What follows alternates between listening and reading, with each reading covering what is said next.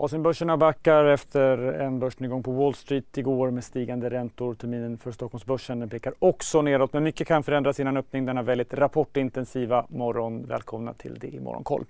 Strax mer om rapporterna vi redan fått men allra först till Asien där framförallt eh, Hongkongbörsen backar ner nästan 2,5 procent. börsen ner drygt 1 procent. Börsen i Fastlandskina är ner eh, något mindre och därifrån uppgifter precis från eh, Bloomberg om att Kinas regering överväger en minskning av antalet karantänsdagar för inkommande resenärer. Diskussionen handlar om en minskning till sju dagars eh, karantän.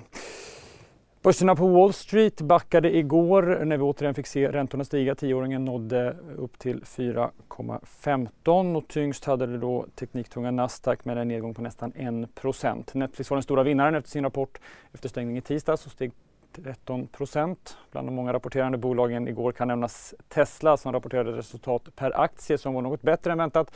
Men bolagets försäljning nådde inte upp till förväntan och aktien eh, backade i efterhanden.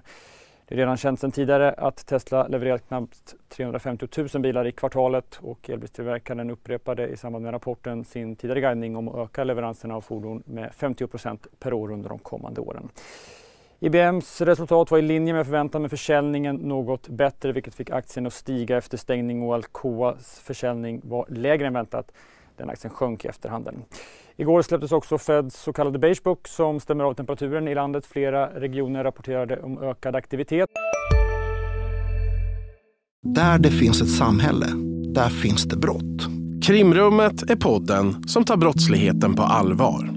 Jag bjuder in landets ledande experter och tar upp aktuella rättegångsfall för att begripliggöra den kriminalitet som kryper allt närmare. Du, alltså, du kan knäcka ett eller några gäng, men det kommer komma nya och så kan vi knäcka dem sen. Men att du ska knäcka allt forever, det kommer aldrig ske. Det är infinite gain. Lyssna på Krimrummet, en podd från Expressen med mig Kim Malmgren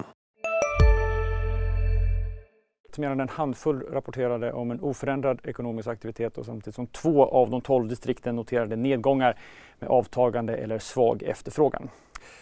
Så till Sverige och budet på Swedish Match där det länge spekulerats ifall det ska komma ett nytt högre bud på bolaget och enligt Wall Street Journals källor så eh, verkar det som att eh, tobaksjätten Philip Morris planerar att höja budet som kan bekräftas redan under dagen. Storbankens Nordea-siffror kom för en liten stund sedan för det tredje kvartalet. De var något bättre än väntat. Rörelseresultatet på knappt 1,3 miljarder euro var ungefär 5% bättre än väntat.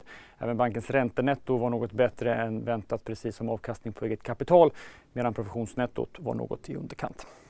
Igår fick vi också en stark rapport från Handelsbanken som lyfte hela banksektorn. Och det är en intensiv rapportmorgon som väntar med bland annat Volvo, ABB och Bolidens rapporter under morgonen. Också vd-intervjuer här i DTV. Investor släpper siffror vid lunch och vd Johan Forsell intervjuas halv ett i DTV.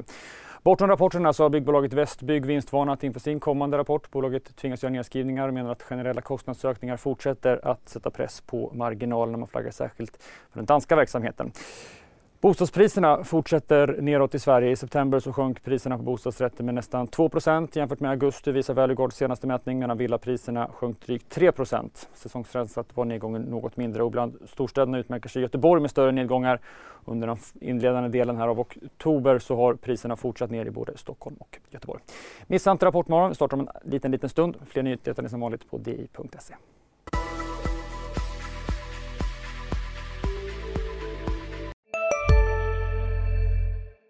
Har du också valt att bli egen? Då är det viktigt att skaffa en bra företagsförsäkring. Hos oss är alla småföretag stora och inga frågor för små. Swedeas företagsförsäkring är anpassad för mindre företag och täcker även sånt som din hemförsäkring inte täcker. Gå in på swedea.se företag och jämför själv. Hej, Synoptik här. Hos oss får du hjälp med att ta hand om din ögonhälsa. Vår synundersökning kan vi upptäcka både synförändringar och tecken på vanliga ögonsjukdomar. Boka tid på synoptik.se.